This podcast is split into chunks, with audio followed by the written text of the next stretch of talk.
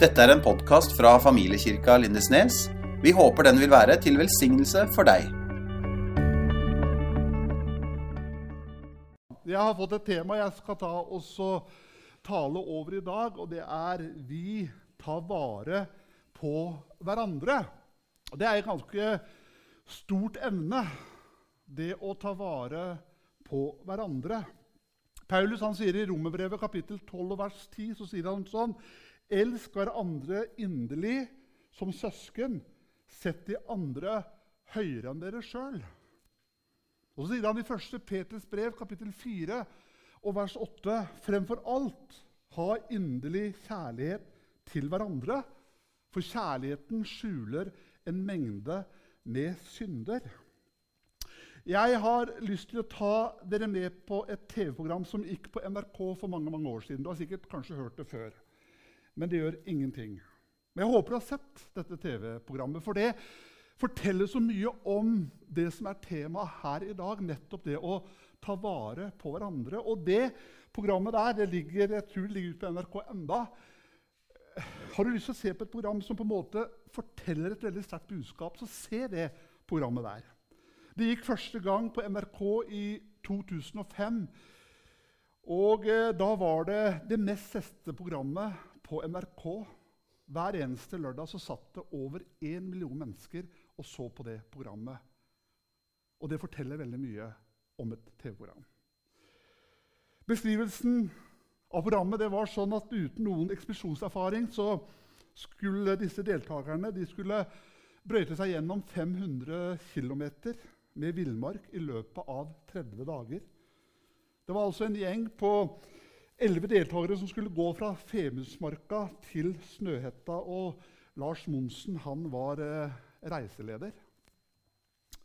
Altså Bare det å være med Lars Monsen på tur det tenker jeg det må være litt av et eventyr. Og hvis man slår opp på ordet 'mann' i et norsk leksikon, så finner du bilde av Lars Monsen. Jeg har ikke sjekka det helt, men jeg kan tenke meg at det er litt sånn. Og så finnes også en egen sånn uh, fanside på Internett uh, med Lars Monsen. LarsMonsenfacts.com, som inneholder 109 såkalte fakta om Lars Monsen. Og et av dem er sånn. Kvinner er fra Venus, menn fra Mars, og Lars Monsen han er fra Himalaya. Et annet er sånn at uten mat og drikke så duger bare Lars Monsen. Bjørnen går ikke i hi, den gjemmer seg for Lars Monsen. Selvfølgelig så er det bare tull. Først og fremst dette her med Lars Monsen. Det var ikke det som på en måte gjorde den serien veldig interessant. Men det som gjorde det veldig interessant, det var at det berørte oss mennesker. Hvorfor det? Hvorfor berører det oss? Jo, det er at når noe berører oss, så er det at vi kjenner oss igjen. Dette her på en måte vet jeg noe om. Og så var det selvfølgelig også på alle disse forskjellige deltakerne som var med. For disse deltakerne det var ikke høytrente folk. De var kanskje trent, ja, men det var ikke på en måte de som kanskje kom først. For alle disse deltakerne der de hadde svakheter, de hadde funksjonshemninger. Noen av dem var blinde, andre var lamme. Altså, De mangla på en måte ting som gjorde at dette her er utrolig vanskelig. Og så tenker jeg no, Noen ganger også hva, hva skal en sånn gjeng ut på en måte i en ødemark? Er det nødvendig? Hvorfor skal man på en måte teste det? Skal man på en måte, Er det nødvendig på en måte å ha en rullestol i myra? Det er på en måte ikke nødvendig. Men de gjorde det. Og hvorfor skulle disse her slite seg gjennom alle disse høydemeterne? Altså 500 km. Det er ikke en rett vei, men det er utrolig krevende. Bare det å gå turen. Det er nesten som å sykle Trondheim-Oslo for de som har gjort det. Jeg skal ikke nevne navn her i formiddag. Men det er klart at når man på en måte begynner å tenke på alt dette her, så kan man jo stille seg en del sånne hvorfor-spørsmål. Til alle mulige slags ekspedisjoner. Alt hva på en måte folk finner på å gjøre. Og jeg tenker mange ganger på Lars Monsen. Jeg mener, Du er ganske interessert i å gå tur når du går tvers over Canada. Det er langt. Men det gjorde han. Eller Jarle Andøy de skulle på en måte til Sydpolen. Eller jeg syns den her er best. Det var denne svensken som sykla fra Sverige til Himalaya. Og så klatrer han opp Mount Everest, som er verdens største fjell. Og så gikk han ned igjen, og så sykla han tilbake til Sverige. Det er klart at Da kan man stille seg noen spørsmål. Hvorfor gjør man det? Det er klart, Her har vi et lite svar. Han er svensk. Selvfølgelig kan man på en måte ta det på det. Men, men liksom, hvorfor gjør man det? Hva er greia med det? Og jeg tror vi mennesker vi har en sånn her ah, iboende trang i oss etter å utforske, etter å på en måte utfordre grenser. Og så ønsker vi på en måte å finne ut hva er jeg i stand til å få til. Og når jeg så på den eh, serien 'Ingen grenser', så har du glemt bildene. Ja, det er jeg som har glemt det. Det er jo like moro hver gang. Og den her virker jo ikke. Selvfølgelig. Den veien Åssen skulle jeg vite det? Ja, Det nytter jo ikke. Følg med, du. Det, det, er mye bedre. For det blir bare Det var Lars Monsen, og så kom det neste bilde. Der står det en eh, setning i en salme av David. og Han sier det sånn Før meg opp et fjell som er for høyt for meg. Før meg opp et fjell som er for høyt for meg. Og vet du hva jeg tror? Jeg tror vi alle har sånne fjell i våre liv. Hva kan fjell være? Det kan være utfordringer, det kan være vanskeligheter. Kanskje for noen av dere som på en måte sitter her nå og tenker på uka som kommer, så ser du bare på en måte uka som kommer, som et svært fjell. Og du tenker, 'Hvordan skal jeg på en måte klare å komme meg gjennom det?' Eller det kan være en konflikt på jobben, på arbeidsplassen, som på en måte venter deg. Det kan være en legetime, et svar på en prøve som du på en måte bare venter på og så lurer på hvordan går det Og så kan det være som et fjell. Eller det kan være en tøff samtale du skal igjennom, som du måtte kanskje ha utsatt. Eller en telefon du skulle ha tatt for lenge siden. Eller en SMS du skulle ha svart på. Eller alle disse uleste maila som du burde ha svart på forrige uke, men som du ikke rakk. Og så tenker du alt du må på en måte gjøre. Og alt du skal på en måte rekke. Et fjell til også som jeg tenker kan være noe for oss, det er dette her med ja, ensomhet. Vet du hva? Et av vår tids største lidelser, det er ensomhet. Det er å på en måte være alene. Og det er ikke denne ensomheten, den gode ensomheten du velger Denne selvvalgte ensomheten der vi velger å være alene for å søke stillheten i kortere eller lengre perioder. Men det er denne gnagende og denne destruktive ensomheten som tar livet av så mange mennesker. Jeg jobba i begravelsesbyrå på Jørpeland. og Jeg var innom Stavanger og skulle ha en begravelse en gang. Så måtte vi leie folk inn til å bære i kista. Da er du ensom, og da er du aleine. Denne følelsen av å være overgitt til seg sjøl Ingen å dele glede med, ingen å dele sorge med. Ingen å regne med. Du er bare aleine. Det er klart at når jeg ble pappa for første gang, så var det jo utrolig å dele den gleden. Eller når jeg hadde sykla fra Ørnheim Oslo, så syns jeg det var litt ålreit å ringe mamma og si det. Og når hun da spør Vant du? Så er jo det veldig deilig. Og deler dele det. det. Det er noe der.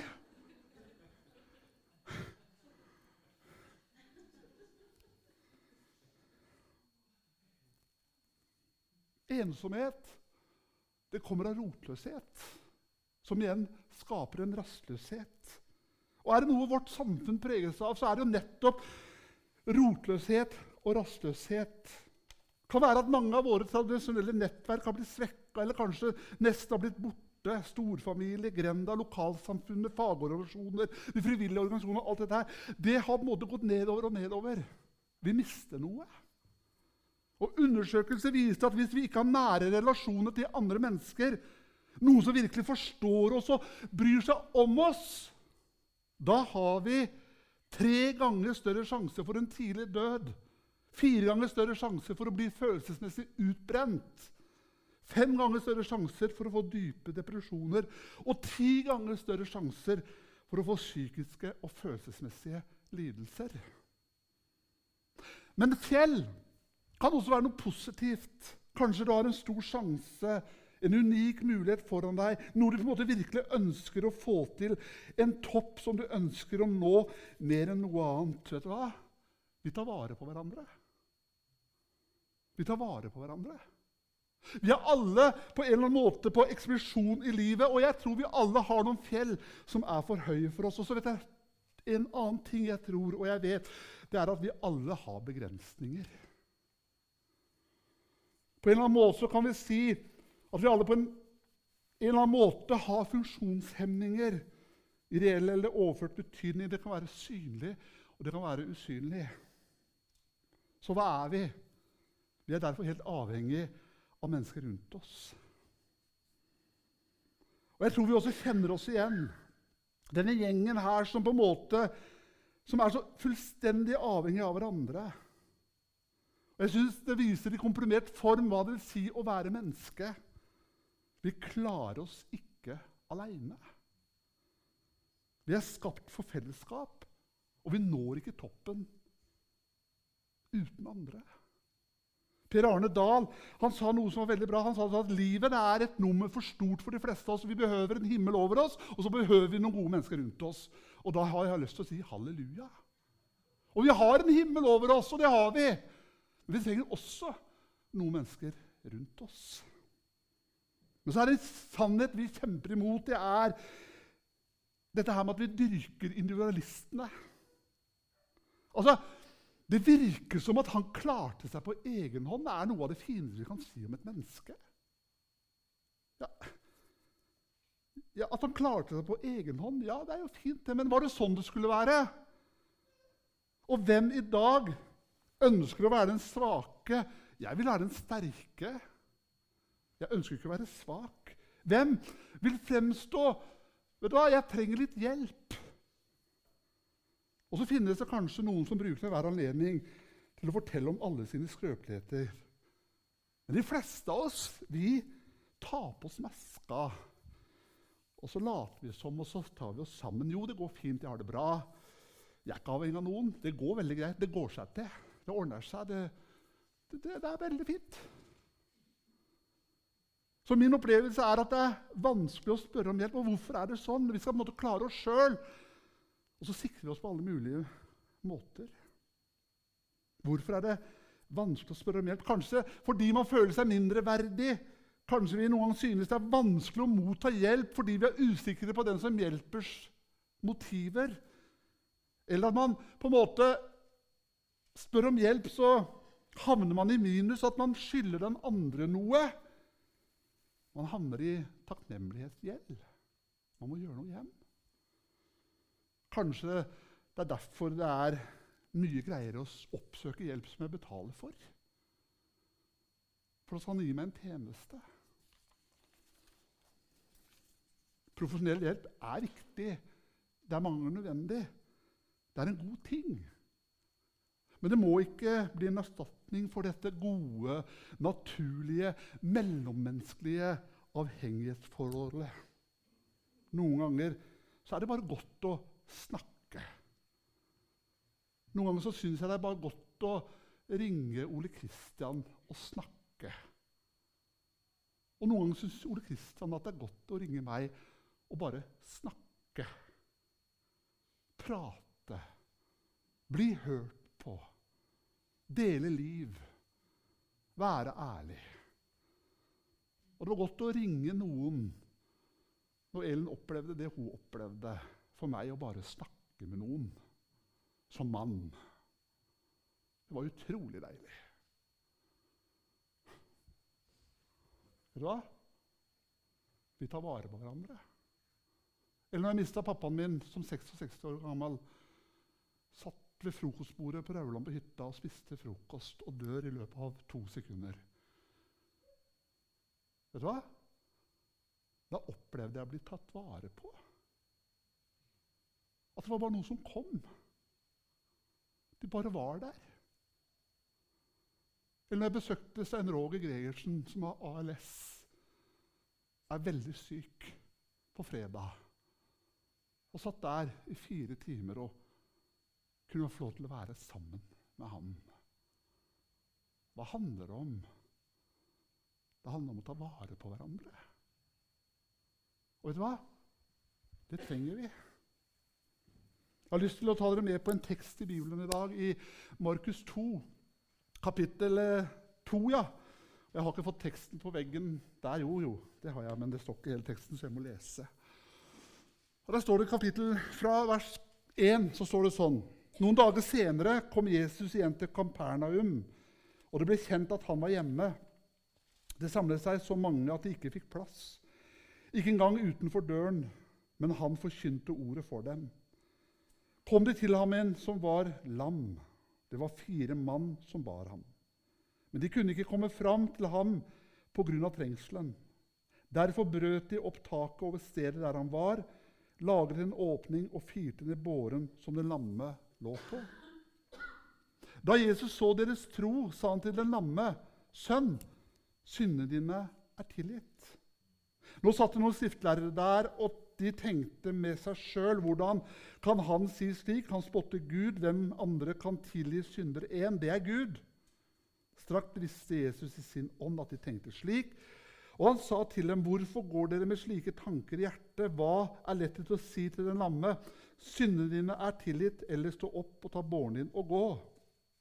Men for at dere skal vite at menneskesønnen har makt til, på jorden til å tilgi synder, og nå vender han seg til den lamme, jeg sier deg, stå opp, ta båren din og gå hjem. Og mannen reiste seg, tok straks båren og gikk ut rett foran øynene på dem. Så blei de ute av seg undring. De priser Gud og sa noe slikt har vi aldri sett før. Dette er en historie om noen menn som kom bærende på en lam mann på en båre. Og denne lamme mannen hadde åpenbart noen fjell i livet sitt. Vi vet ikke hvem som tar initiativet i historien. Er det den lamme mannen som har ligget der i veikanten, som har måte ropt på noen som skulle komme til han og hjelpe han? Er det de som på en måte bærer, som går forbi han og ser han ligge der og sier vet du hva, vi tar deg med til Jesus? Vi har hørt veldig gode ting om Jesus. Vil du ha hjelp?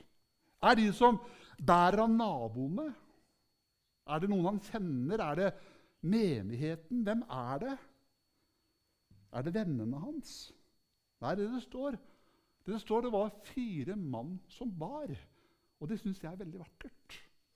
At det er fire mann som bar. Hva hadde de? De hadde omsorg. De tar vare på han. Eller er det sånn at den lamme mannen vil til Jesus? Eller er det de som bærer, som vil det? Det vet vi ikke. Det står det ikke. Men det vi vet, det er at det er et bærelag. Og Vi vet også at de møter noen fjell og noen utfordringer. For Jesus han er ikke innen rekkevidden. Han er ikke til stede veldig nært. Og Når de kommer dit, så er det utrolig mange folk der. Veldig mye folk. Det er mye støy. Det er som å være på kanskje et vekkelsesmøte. Og de kommer jo ikke fram. Men så er det en i dette bærelaget som eh, får en smart idé. Han er en mulighetstenker, og han tenker at vi kan få ham fram til Jesus. Vi må bare gå på taket. Hadde du tenkt det? Hadde jeg tenkt det? Det er fire stykker som bærer, og alle de er sikkert ikke positive heller. Kanskje han ene på den ene sida bak sa at 'dette går ikke'. Og så sier han her 'jo, dette går'. Vi får vente og se. Vi tar det en annen dag. Nei, de hadde ett mål. Det var å få denne mannen til Jesus, og de bar ham. Og Så kommer de opp på taket. Nå var det kanskje sånn i Israel at det var flatt tak. Og kanskje det var en trapp opp på taket. ikke vet jeg, Men, men ok, jeg syns allikevel at det er ganske utrolig. Kan hende at ikke han var så tung som meg? Kan hende at det var litt lettere å bære ham enn det hadde vært meg. Men ok, de gjorde det. Og så tar de opp taket. Og så firer de da denne lamme mannen ned rett foran Jesus. Jeg kjenner til en del predikanter som ikke liker å bli avbrutt i talen sin. Det er det verste de vet. Og i grunnen så syns jeg ikke noe om det, jeg heller. For nå er det jeg som preker, og nå er det jeg som synger. Så Jesus han ble avbrutt midt i talen. Midt holdt jeg på å si, i bibeltimen, kanskje midt i det mest hektigste i talen også, der han er på topp. Ikke forstyrr meg nå! Det er klart Når vi er litt nede og har litt rolig, så kan du kanskje bli litt forstyrra. At en unge griner litt eller et eller annet. Det er greit.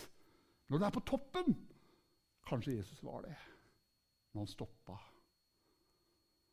Og så tenker jeg at Dette her er på en måte ikke sånn måte å komme seint på møtet, sette seg på bakerste benk og gå ut før møtet slutter. Dette her er en utrolig inntredelse på en gudstjeneste. Eller la oss se at det hadde kommet noen nå inn her bærende på en lam mann. Hva hadde det gjort med oss? Men Jesus han stopper. Og så sier Jesus noe. Da Jesus så deres tro, ikke troen på han som lå på den båra, ikke han som var lam, men disse som bærte disse fire mennene, fire mann Da han så deres tro, så sier han Syndene dine er et tilgitt. Ta din seng og gå. Stå opp og gå. Vi er alle på ekspedisjon. Vi alle har noen fjell som er for høye oss. Og vi er lamme på en eller annen måte, og vi trenger noen som bærer oss en gang iblant. Og så var det ikke bare de, eller den som ble båret, som kom nærmere Jesus. Men også de som bar, fikk erfare Gud på en måte de aldri før hadde sett. Og jeg tenker at Det er i fellesskapet grunn av fellesskapet vi får erfare fullt ut hvem Jesus er. Og jeg tenker at Historien om den lamme mannen er et bilde på hva et kristent fellesskap er. Hva en menighet er. Og hva er en kirke og en menighet? Jo, det er at den er et bærelag. Et fellesskap av mennesker som hjelper hverandre til Jesus, som innser at for at jeg skal ha alt det Gud har for meg i dette livet, så er jeg fullstendig avhengig av andre. Ingen slike fellesskap er perfekte.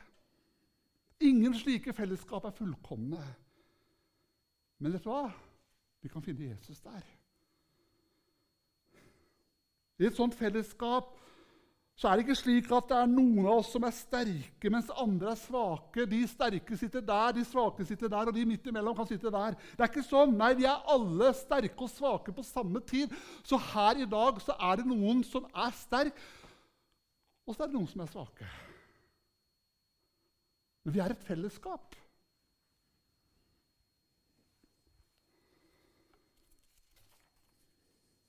Hva er dine muskler? Hva er eh, din styrke? Hva er dine gaver? Hva er dine egenskaper? Hva er det du har å komme med? Hva kan du bære? Eller kanskje så har jeg en begrensning som egentlig alle vet om, men som du nekter å erkjenne, slik at det går utover alle de andre? Er det jo han eller hun som skal være den sterke, og som aldri har opplevd hva et virkelig fellesskap kan være? Og ethvert fellesskap er avhengig av at noen byr på seg sjøl, også på sin svakhet, om man skal komme dypere enn det overfladiske. Og et genuint fellesskap det oppstår kun når noen tør å være til bry. For i et fellesskap så er man takknemlig for det de andre har av ressurser. Noen i dag som hører dette her, trenger å innse vet du hva? Du kan være en ressurs. Det trenger du å innse. Kanskje er det ikke på samme måte som før. Kanskje du ikke kan gå lenger. Men du kan i overført eller reell betydning sette opp et telt eller lage noe mat. Eller komme med noen oppmuntrende ord. Uansett hva som er din situasjon, uansett hvor mange fjell du måtte ha foran deg, så kan du være til hjelp for noen. Og kanskje du etter denne gudstjenesten i dag skal ta en telefon med en oppmuntring eller et spørsmål. Kanskje du skal besøke noen. Kanskje du skal tilby noen hjelp. Kanskje er det bare rett og slett noen rett over gangen din eller veien der du bor. Så jeg er sikker på også at for deg så finnes det noen du kan være en ressurs for. Noen du kan bære, for du er skapt til å bære. Og gjennom det så kan både den du bærer, erfare Gud. Og du blir aldri for gammel å se på deg sjøl som en ressurs. I dag så er det noen som trenger å innse at du er den som behøver å bli båret. Den sitter kanskje litt lenger inne, den. Trenger jeg å bli båret? Kanskje det er noen som trenger raskt som mulig å spørre vet du hva, jeg trenger litt hjelp jeg, på den situasjonen jeg er i. Du trenger å være ærlig med din situasjon for noen. Og kanskje det starter rett og slett der at det starter med å være ærlig overfor Gud. Gud, jeg trenger deg. Gud, du må møte meg. Jeg trenger virkelig et nytt møte med deg, Gud. Og så er det noen som bærer altfor mye. Du trenger å hvile. Du trenger å høre det ordet 'Kom til meg, alle som strever og tungt å bære, og jeg vil gi deg hvile'. Jesus han eh, ønsker å møte oss. Og så tenker jeg Det å komme i denne erkjennelsen og dette ropet om en tro som på en måte favner både høydene og dalene. Utfordringene. Kanskje man kan slå et slag for paradoksene i livet. At han som bor i det høye, i det hellige, han bor også i det svake, i det skrøpelige. Og han bor rett og slett i ditt og mitt hjerte. Psykisk helse de hadde et motto i fjor som jeg syns var veldig bra. Og det hadde mottoet 'Vi trenger hverandre. Løft blikket'. Vi trenger hverandre. Løft blikket. For det er mye som kan på en måte skille oss fra hverandre. Det kan være kjønn, det kan være nasjonalitet, det kan være livssyn og interesser. Musikksmak, eller rett og slett til og med hvilket fotballag vi heier på. Men jeg tror imidlertid at et av de mest grunnleggende behova jeg og du har, det er behovet for å bli sett. Og i det behovet der så møtes vår felles menneskelighet, eller menneskevennlighet. Så det verdensdagen for psykisk helse i året 2022 oppmuntres oss til, det var å løfte blikket. Og i det så leser jeg en oppmuntring til å se hverandre. For både forskning og livserfaring har lært oss at det å bli sett er jo livsviktig. Det er jo helt nødvendig for oss. Altså Barnet befinner seg selv i mors og fars kjærlige blikk. Og vi som voksne våkner til liv i andres blikk. At det er bare noen som ser oss. Å bli oversett, det gjør at vi krymper. Å bli sett det handler om mer enn at noen kaster øynene i den retning og skaper et øyeblikk. Å se den andre, det handler om et hjerteblikk. At jeg ser med hjertet mitt. Og når vi ser hverandre med langsomme blikk, blikk som varer, når vi tar andre inn, det er da det oppstår et møte mellom oss. Jeg spør meg sjøl om vi ikke blir rundlurt av begrepet som selvhjelp, selvrealisering og selvutvikling. Selvfølgelig så har du og jeg evnen til å ha en indre dialog med oss sjøl. Men jeg tror likevel at det er en grunn til at jeg er det eneste mennesket i verden som ikke kan se meg selv ut ifra mine fysiske øyne. Det kan jeg ikke. Jeg kan ikke sitte der du sitter og se meg. Men du gjør det.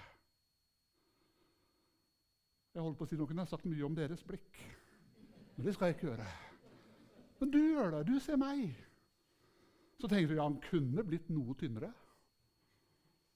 Han kunne talt litt kortere. Jeg ser heller ut vinduet, som Kenneth har gjort halve møtet.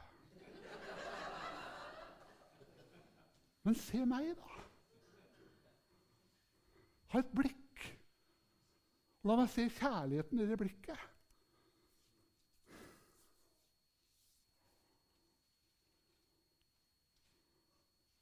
Du og jeg er overlatt til å se et bilde eller speilbilde av oss sjøl. Og etter det jeg har forstått, så er det alltid speilvendt. Altså, vi er ikke i stand til å se oss selv slik andre ser oss. Jeg syns eh, det er en vakker fortelling i evangeliet etter Lukas om Sakkeus i Lukas 10.